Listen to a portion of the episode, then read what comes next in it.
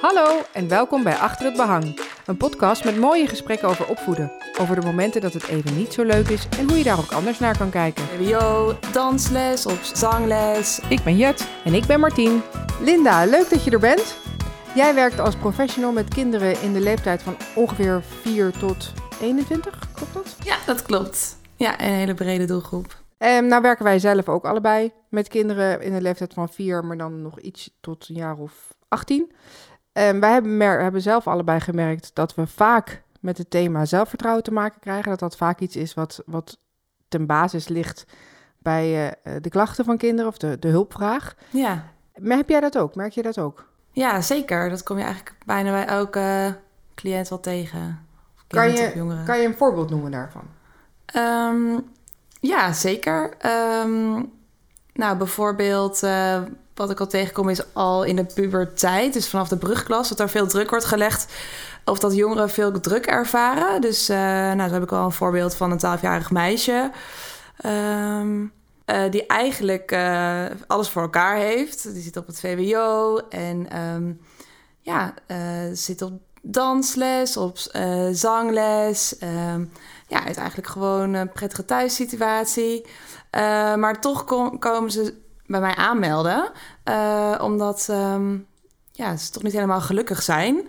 En ehm, dat komt ook wel door ja, dat eigenlijk het leven gewoon als heel veel wordt ervaren. Ja, dus dat, dat toch, eh, ondanks het fijne alles wat goed voor elkaar hebben, dat ze daar niet echt helemaal grip op hebben van, ja, dat dat toch, ja, dat gewoon veel is. En wat is de klacht dan waar ze mee bij jou komt? Ehm, ja, de klacht is gewoon eigenlijk veel stress ervaren. Ja. Ehm, ja, minder blij, zich minder blij voelen. En, en dit specifieke voorbeeld, dit was een meisje van 12. Ja. En hoe kwam zij bij jou? Eh, nou, ze was eigenlijk zelf naar de ouders toe gegaan van eh, dat ze hier wel wat meer hulp bij wilde. Wat meer coaching in wilde. Ja. Dus zij ervaarde het zelf al als... Ja. Mijn leven is te vol eigenlijk, te Ja. druk. Ja. Te, er wordt te veel van mij verwacht, klopt dat? ja, dat kwam er uiteindelijk wel uit. Dus aan het begin kon ze het zelf niet zo goed benoemen. Maar dat is uiteindelijk wel waar we op uit zijn gekomen. En dus dat ze ook wel ehm, ehm, ja, het gewoon heel graag goed wil doen. Daar komt uiteindelijk denk ik op neer. Is dat ze alles heel graag goed wil doen. Ehm, en ja, van daaruit misschien zichzelf ook wel een bepaalde druk oplegt. De lat ligt heel erg hoog. Ja. En, en hoe ziet zo'n dag uit, eruit van zo'n meisje? Wat, wat maakt dat ze zo druk is?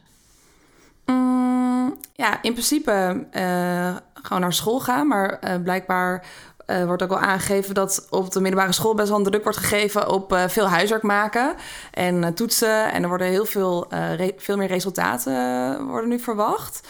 Dus dat wordt al als best wel druk ervaren. Nou, en vervolgens ook gewoon ehm buitenschoolse activiteiten. En dan ook vrienden goed behouden. En daar, iedereen heeft bijna tegenwoordig een telefoon. Dus volgens mij gaat het sociale contact ook constant door. En misschien nog sporten? Of, eh, Ja, ook sporten en, eh, en ook hobby's. Dus dat, het daar, dat dat ook allemaal goed gaat.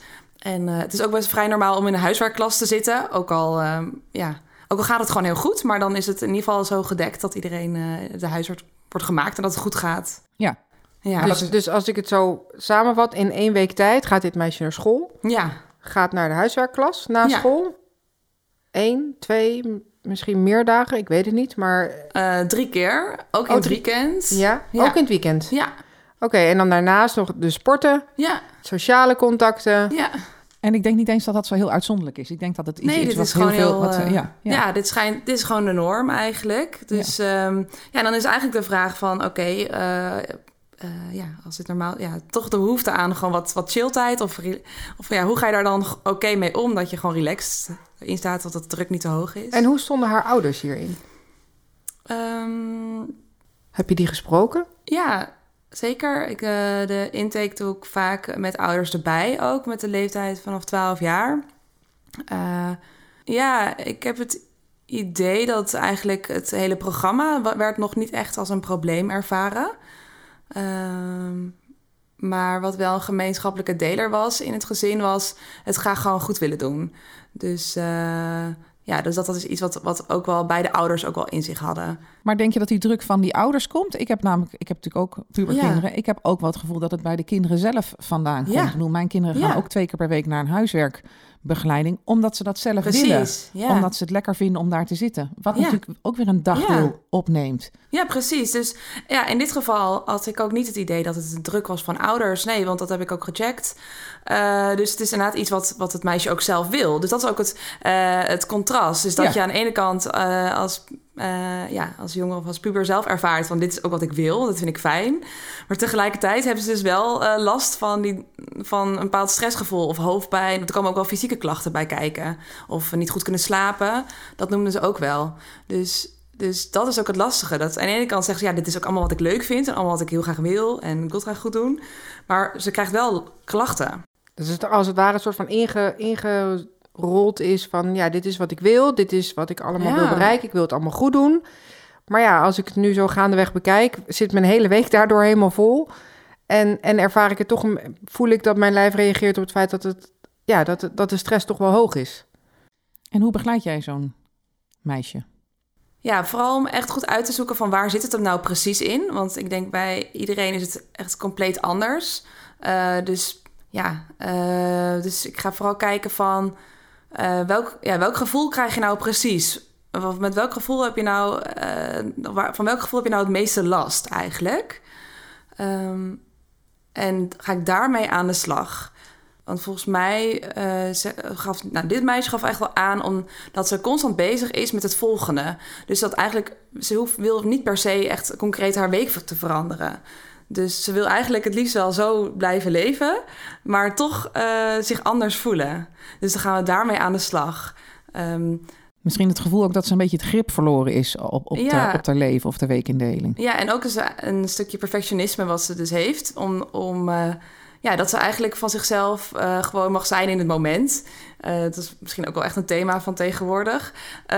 Gewoon in het hier en nu zijn en zijn in het moment en daarvan genieten.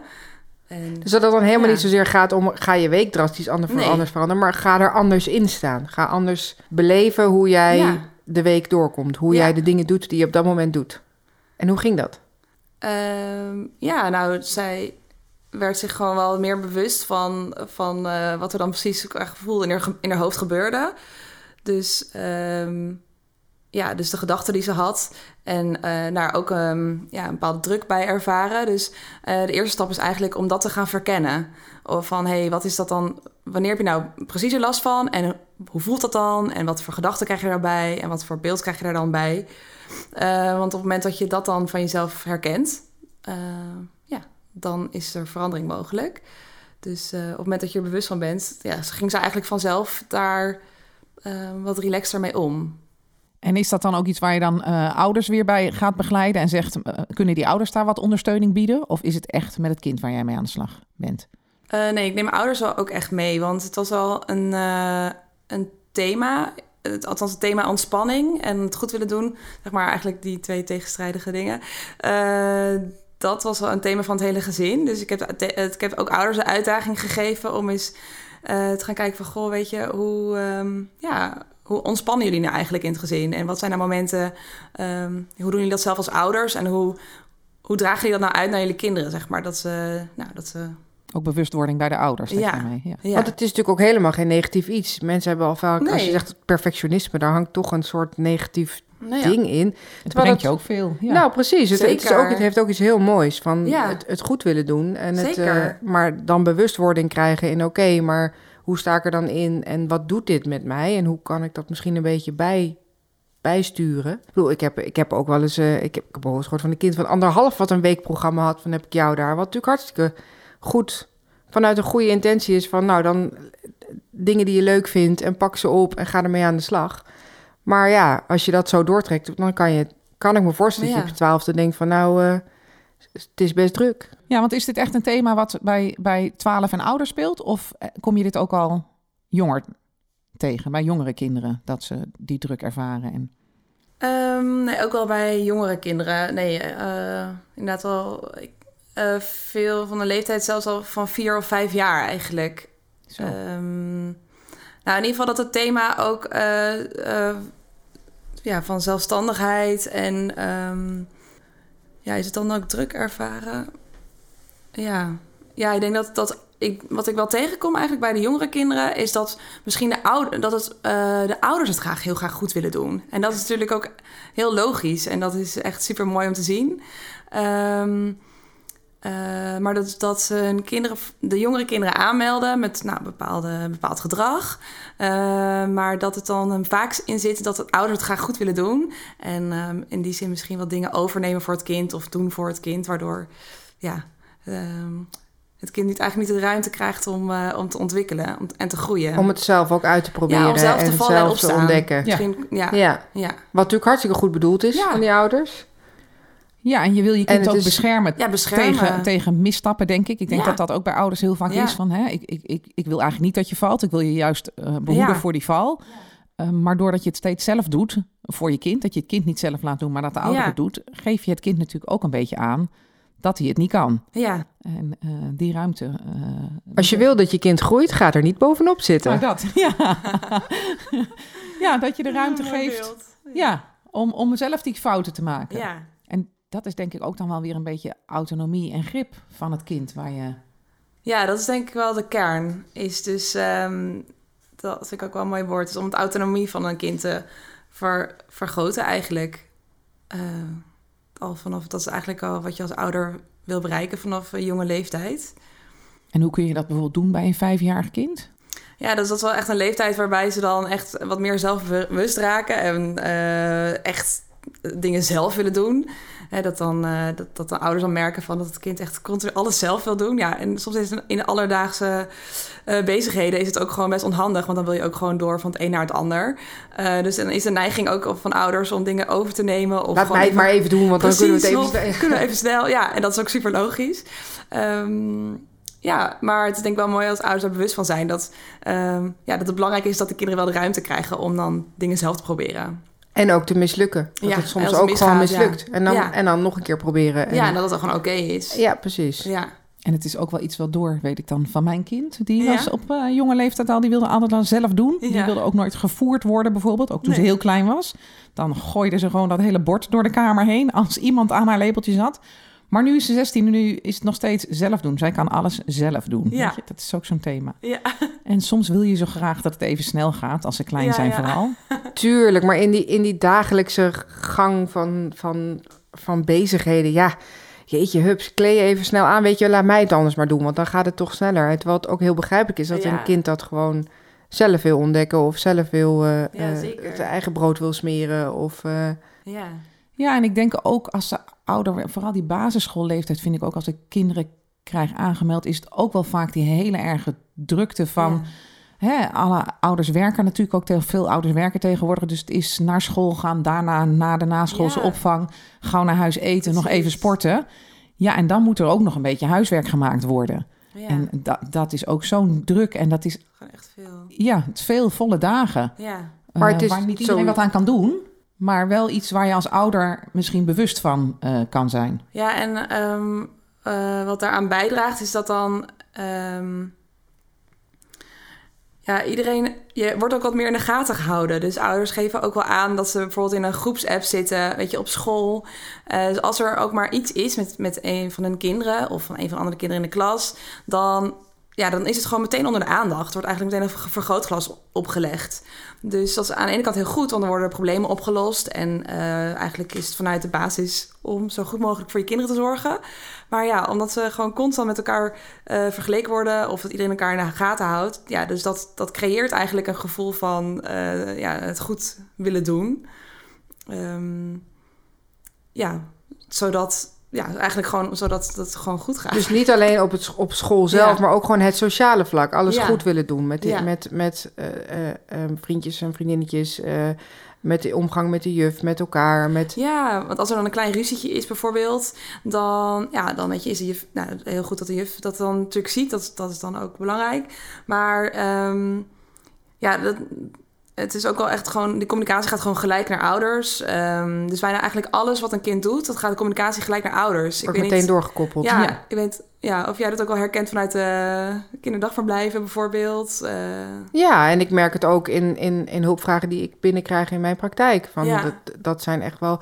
Wat natuurlijk ongelooflijk er is niks mis mee. Er is, ik heb er geen oordeel over, maar meer gewoon Ja. van ja, het is wel een feit dat kinderen veel in de gaten gehouden worden Ja. en er veel van ze verwacht wordt. Ja. Nou, en ik vind ook vooral dat er niet de ruimte wordt gegeven voor kinderen om zelf fouten te maken. Als mijn kind een cijfer op school krijgt, dan heb ik à la minuut een, een e-mail in mijn, in mijn, eh, gekre- binnengekregen waarop het cijfer staat. Of je kan op Magister, kun je precies kijken of je kind op tijd op school was of Ja. dat hij de huiswerk heeft gemaakt. Ja, ik heb vroeger wel eens een drie gehaald. Die heb ik heel hard onder in mijn tas gestopt. Want dan wist ik dat ik nog een paar tentamens had om het goed te maken voordat het rapport ja, kwam. precies. Maar die vrijheid hebben onze kinderen niet meer. Je weet elk cijfer, elk iets wat je kind doet, Ja. weet je tegenwoordig. En ehm, wat merk je daaraan dan bijvoorbeeld bij je dochter? Als, zij, nou, als jij zo'n onvoldoende binnenkrijgt, eh hoe dat dan voor haar is? Ja, ik sta daar anders in, want ik wil het eigenlijk helemaal niet. Ik krijg dan ook die e-mail en ik word een beetje geïrriteerd met school. Ja. Dat ik die e-mail krijg. Ik denk, laat het kind het zelf Ja. er. En als het, weet je, en ze vertelt het wel aan mij. Dus ik denk dat juist die communicatie met je kind Ja. heel belangrijk is. En daar wil ik op in, inzetten. Ja.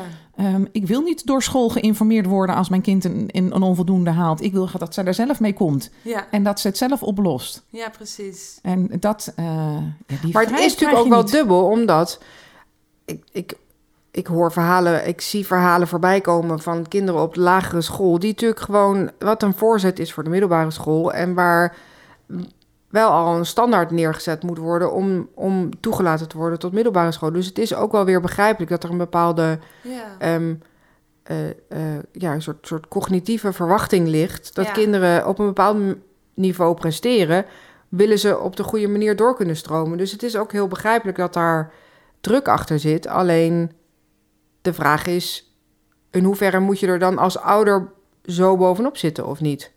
Herkennen jullie dat? Nou, en ik denk dat die druk, wat jij ook zegt, dat meisje van 12, die druk doordat alles zo open is, eh, ervaren die kinderen nog meer druk. Ja, het is, het is een soort, eh, ja, het is een soort proces wat, wat, in, wat in stand wordt gehouden. Of wat, ja, wat, wat elkaar versterkt, denk ik. Ja, Ja, wat je eigenlijk ook niet kan terugdraaien. nee. Dus je moet, en ik, Nee, dus dit is gewoon de realiteit van, van hoe het nu is. Ja. En, Je kan er ook eh, niet zomaar uitstappen. Je kan ook nee, niet zomaar en zeggen, dan- nee stop, ik doe niet meer mee. Nee, dus eigenlijk ligt het in de opvoeding, denk ik ook, van oké, ja, dit is dus gewoon de maatschappij waar we in leven, met al die verschillende prikkels die er zijn. Ehm, nou, hoe wil ik er als ouder mee omgaan en wat wil ik uitdragen naar mijn kind? En ja, dus dat, dat, dat je als kind eh, sterk wordt gemaakt om eh, zelf te kiezen en te voelen van hoe je ermee om wil gaan. Ja, te, erv- te bewust te zijn van Ja. hoe je het ervaart en daarin de keuzes te maken die je, Ja. die je kan maken. Ja, En dat niet bij elk wisje-wasje, elk, elk s- mindere prestatie en elke eh, ruzie die een kind maakt, dat daar een ouder bij gehaald wordt. Maar dat daar gewoon een soort goede balans in zit. ja of dat er eigenlijk een gevoel van het, een soort van gevoel van het, het niet goed doen uit voortkomt. Ja, Dat is denk ik wat er ontstaat. ja, en het is eigenlijk gewoon leren. Het zijn Ja, gewoon het leermomenten. leren. Ja, ik en als je van- dat zo ziet, Ja, hoe meer kinderen ook op, eh, weet je wel, op zo'n leeftijd als twee, drie, vier jaar eh, ruzie maken op, de, op, op, de, op het schoolplein. Ja, eh, weet je, hoe, hoe vaker ruzie zich voordoet hoe, en dat weer wordt opgelost en ze dat zelf leren oplossen, natuurlijk met begeleiding van volwassenen erbij. Ja, eh, hoe meer vaardigheden ze zich ontwikkelen om op latere leeftijd ehm, ja, zich in lastige situaties te redden. precies. En dat is een perfecte plek om het te leren, toch? Ja, dat is de plek om het te leren, ja. Ja, En dat is natuurlijk in jongere leeftijd met ruzie. En zo gaat het verder door met school, met planning, met organisatie. Met, met, dat is waar je het moet Ja. leren. ja, Maar en het vergt ook van ouders om een stapje terug te doen. Want Ja. die informatie is er allemaal. ja. Ik heb het gevoel dat onze kinderen daar misschien wel beter mee omgaan dan wij. Hm. Eh, die- Ja. Zij weten dat het er is. Dus eh, Er wordt op scholen nu ook al meer meegenomen. ja, zij gaan daarmee om. Zij, dat is een gegeven. En eh, wij denken, wow, al die al die informatie is er. Daar moeten we misschien wat mee. Dus het- ik denk dat dat ook heel erg als ouder een, een, een, een stap terug... Dus dan gaat het eigenlijk ook ehm, om vertrouwen bij de ouders. Dus dat, dat ouders vertrouwen van dat zij als ouders het gewoon goed doen. En dat het gewoon oké is. Maar ook dat hun kinderen alles in huis hebben om met lastige en situaties om te vertrouwen in het kind. Het vanuit het Ja. vertrouwen los kunnen laten. En daarin eh, eh, kunnen baseren dat een kind dat gaat leren en Ja. goed gaat op kunnen lossen. ja, dat is denk ik wel het allerbelangrijkste. Dat je vertrouwen hebt in je kind. Want het vraagt natuurlijk wel de nodige Als kinderen heel erg ruzie hebben op een schoolplein en het loopt enorm uit de hand, dan moet dat op een goede manier begeleid worden. Dan moet dat op een goede manier opgelost worden en, en aangepakt worden. Om daar vervolgens van te kunnen leren. En het is natuurlijk wel zo dat bijvoorbeeld nu eh, eh, kinderen op hele jonge leeftijd een telefoon hebben en het, het, het schoolplein eigenlijk verplaatst is naar online. Ehm, waar kinderen natuurlijk ook mee moeten leren omgaan. Waar ouders zelf niet mee te maken hebben gehad. Want ouders zijn niet opgegroeid met de hele social media en alles wat er omheen zit. Ja, dat is een soort van hele nieuwe dimensie eigenlijk van ehm, uitdagingen die er ontstaat door eh, sociale media en telefoongebruik. Dus in die zin bijvoorbeeld ouders die dan uh, veel meer met elkaar contact hebben en de, en de docent ook. Dus dat ze meer meedenken en bijdragen aan alles wat er gebeurt rondom bijvoorbeeld het schoolgaan of uh, naar, alle, naar de hockeyclub en de voetbalclub, zeg maar. Daar zijn ook, is veel meer contact en uh, nou, zijn de ouders denk ik wat meer op de hoogte van alles wat er gebeurt. Nou, in goede en ook wat minder goede zin. Mm, maar voor kinderen liggen en voor jongeren ligt ook een hele grote uitdaging, omdat er... Um, ze kunnen namelijk op sociale media een hele nieuwe identiteit, een nieuwe identiteit uh, ontwikkelen of neerzetten. Uh, je zet natuurlijk alles op, op uh, Instagram of, of Facebook. Dan zet je natuurlijk alle dingen die allemaal goed gaan. Dus wat ik dan wel merk, vooral nou ja, zoals mij ook op jonge leeftijd, maar ik zie dan vooral vanaf de middelbare schoolleeftijd, dat, dat jongeren eigenlijk een soort van eigen identiteit hebben in het echt. En ook een soort van online identiteit hebben. Dat klopt. Ja, een hele brede doelgroep. Ja, bijna de eigenheid. Ja. Nou, ik denk wel dat het dezelfde persoon is, maar hij is nee, wel niet ideaal. persoon, maar, maar het is wel een ideaal een andere beeld versie van, zichzelf. Ja, precies. Dus online ben je iemand uh, waarbij het helemaal goed gaat, waar je allemaal leuke dingen doet, uh, die de meeste vrienden heeft, die uh, lekker vlot gebabbeld is met allemaal uh, reacties online. Maar in het echt misschien helemaal niet zo blij voelen en gelukkig voelen en misschien best wel eenzaam. Dat is even in het erge geval. Um, maar dat je toch een soort van twee personen aan het hoog houden En bent. die mooie kant van jezelf, die mooie tussen aanhalingstekens Ja. die je laat zien, dat schept ook weer verwachtingen. Dat schept ook Precies. weer een, een, een druk. Ja, Ja, ik vind social media altijd een beetje een ingewikkeld onderwerp. Want het is ook altijd wel een beetje een negatieve klank die erop zit. Uh, en, en dat is ook zo, weet je. Het gaat door uh, buiten het schoolplein en het is een ideaalbeeld. Maar van de andere kant uh, Ja. zie ik aan mijn kinderen ook... Het heeft, je hebt ook altijd een vriend of een vriendin in de buurt. Want ja ze kunnen ook, zeker. als ze s'avonds uh, om acht uur zich verdrietig voelen... kunnen ze ook een vriend of een Ja. vriendin even appen. Ja, Of Dat even... klopt. Dus er Ja. zit ook een, een, een, een, Positieve een kant. positieve kant aan. Zeker. het En is ook iets waar ze juist veel steun en, en, en contacten uit kunnen halen. Ja, en het, en het wordt toch wel heel vaak uh, negatief gedraaid. En daar zitten natuurlijk ook gevaren aan enzovoorts. Maar het heeft ook wel een positieve kant, denk ik. Ja, absoluut. Ja, nee, dus ik gebruik net ook bewust het woord uitdagingen in plaats van gevaren. Omdat um, uh, het zijn gewoon allemaal... Het is best wel nieuw. En helemaal voor, uh, voor volwassenen die het niet kennen. Uh, het, brengt, het is gewoon een nieuwe dimensie waarbij gewoon nieuwe, ja, waar nieuwe sociale situaties ontstaan. Maar En- ook hierin ja. denk ik dan ook, heeft het ook weer te maken met bepaald vertrouwen en Zeker. ehm, in kunnen zien dat het niet zozeer gaat om de inhoud van wat, wat hoe, hoe gebruik je de social media, Nee. maar meer gewoon wat doet het met je? Wat, hoe, sta daar bewust in, Ja. zodat je op die manier daar bewust mee om kan gaan. En ik, en ik denk dat onze kinderen ook echt goed worden opgeleid op school daarin. Weet je, ik bedoel, e-mail en, en, en social media kwam later in ons leven. Maar die kinderen zijn natuurlijk vanaf nul groeien die Ja. ermee op. Dus Ja, klopt. dat wordt ook op school onderwezen. En daar worden ook de Ja. gevaren en de positieve dingen. Dus zij hebben, zijn daar veel beter... ja. En dan gaat het er volgens mij veel meer om en bewustzijn voor jezelf van oké, hoe sta ik daarin? En, wat, en wat, wat doet het met me? Ja, en ik denk dat ook heel veel ouders toch wel heel erg veel eh, op social media en ze bij hun telefoon zitten. Eh, terwijl ze dat misschien van hun kind niet zo eh, waarderen. Ja. Daar misschien toch zelf een ander voorbeeld in geven. ja, dat komt natuurlijk ook voor. Dus dat is ook wel mooi om een mooi gesprek om met ouders over te hebben. Van gewoon, ja, hoe vaak zit je zelf op je telefoon? Vaak ook veel meer dan dat je jezelf realiseert, omdat het zo automatisch gaat. Het is dan wel leuk als je zo'n report krijgt aan het eind van de week. En hoeveel uur je, op je per dagje op je, op je telefoon hebt gezeten. Ja. Dat is altijd een soort bewustwordingsmomentje. Goede spiegel. Maar dat is wel goed, denk ik, ook voor ouders om te zien van... hé, hey, wacht eens even. Als ik drie uur per dag op dat ding heb gezeten... Ja, ik neem mijn kind van 16 heel erg kwalijk de hele dag op telefoon te kijken, maar wat doe ik ondertussen zelf? Ja. En is social media ook iets waar kinderen mee bij jou komen? Waar ze van zeggen van, eh, eh, dat vind ik lastig of daardoor ervaar ik nog meer druk? Nou, wel veel wat op de groepsapp gebeurt. Dat is wel eh, een thema wat, ehm, wat veel eh, besproken wordt. Um, waardoor, waar veel miscommunicatie ontstaat. Want er zitten natuurlijk heel veel mensen in een groep. En je kan op, op duizend verschillende manieren een, een zin interpreteren soms. Dus, daar, dus daar geef ik dan wel wat uitleg over.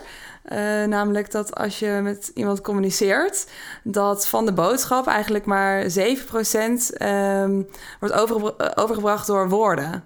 En iets van, ik geloof echt iets van 37 procent, dat is heel specifiek, uh, door intonatie overkomt. En dat de rest allemaal non-verbaal is aan de hand van je lichaamstaal.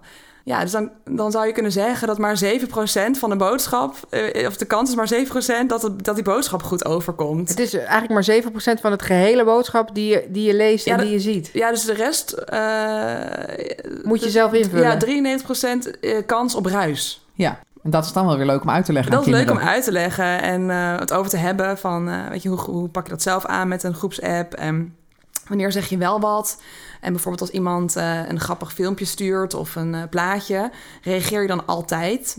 Uh, ja. Of ja, of lach je bijvoorbeeld gewoon in het echt, maar dan ga je niet nog extra typen van hahaha, ik heb gelachen. nee, ga maar eens dezelfde zin op vijf verschillende tonen uitspreken, ja, dan klinkt ja, het allemaal ook heel leuk. anders. Ja, en om hen gewoon inzicht te geven in van goh, wat zou er, wat zou, hoe zou het bij de ander binnen zijn, kunnen zijn gekomen? Ja.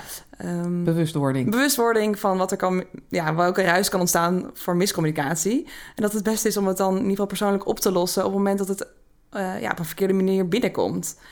Want het is ook belangrijk dat, uh, ja, dat de ander, met degene met wie je communiceert, dat die ook wel inziet van wat de boodschap met, met jou dan doet.